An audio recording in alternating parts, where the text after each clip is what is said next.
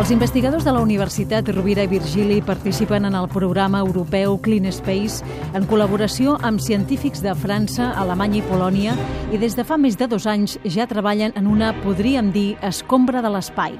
El nostre interès, la focalització del projecte, és el fer desaparèixer la brossa en dimensions petites, aquella que és difícil d'anar seguint, de conèixer-li exactament la seva trajectòria, la seva òrbita.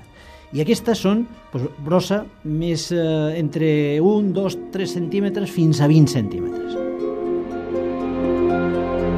Són petites peces que s'han després d'antics satèl·lits o coets que ja no funcionen però que continuen en òrbita per l'espai, explica el catedràtic de Física Aplicada Francesc Díaz. La gran totalitat de, de, dels casos són trossos de satèl·lits que per problemes mecànics s'han desprenem, queden ahí brosses, trossos materials de diferents dimensions que després poden col·lisionar en un satèl·lit que està en plena operativitat. Però com funcionaria aquesta escombra de l'espai? Amb quina tècnica? Hem de dissenyar làsers que puguin generar pulsos de llum que generen energia suficient perquè a 400 quilòmetres puguin impulsar aquesta brossa, desplaçar-la de la seva òrbita modificar-li l'òrbita i que ella incideixi en la part exterior de l'atmosfera. A l'incidir en aquesta part exterior de l'atmosfera, se desintegraria.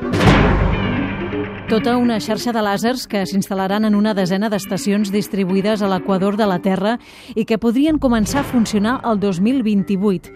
Però el projecte encara es troba en una primera fase, insisteix Francesc Díaz, i ha costat 2 milions i mig d'euros a la Unió Europea. Al gener del 2015 començarà la segona fase, la d'intentar construir un d'aquests làsers. I si tot va bé, la Unió Europea buscarà empreses que els fabriquin. Europa està preparada per, perquè hi ha empreses eh, òptiques i empreses eh, que estan desenvolupant làsers. No en aquestes característiques, però dirien de dificultat constructiva similar per a altre tipus de projectes, per tant no hi ha reptes tecnològics que aquest projecte suposa, Europa els pot assumir perfectament.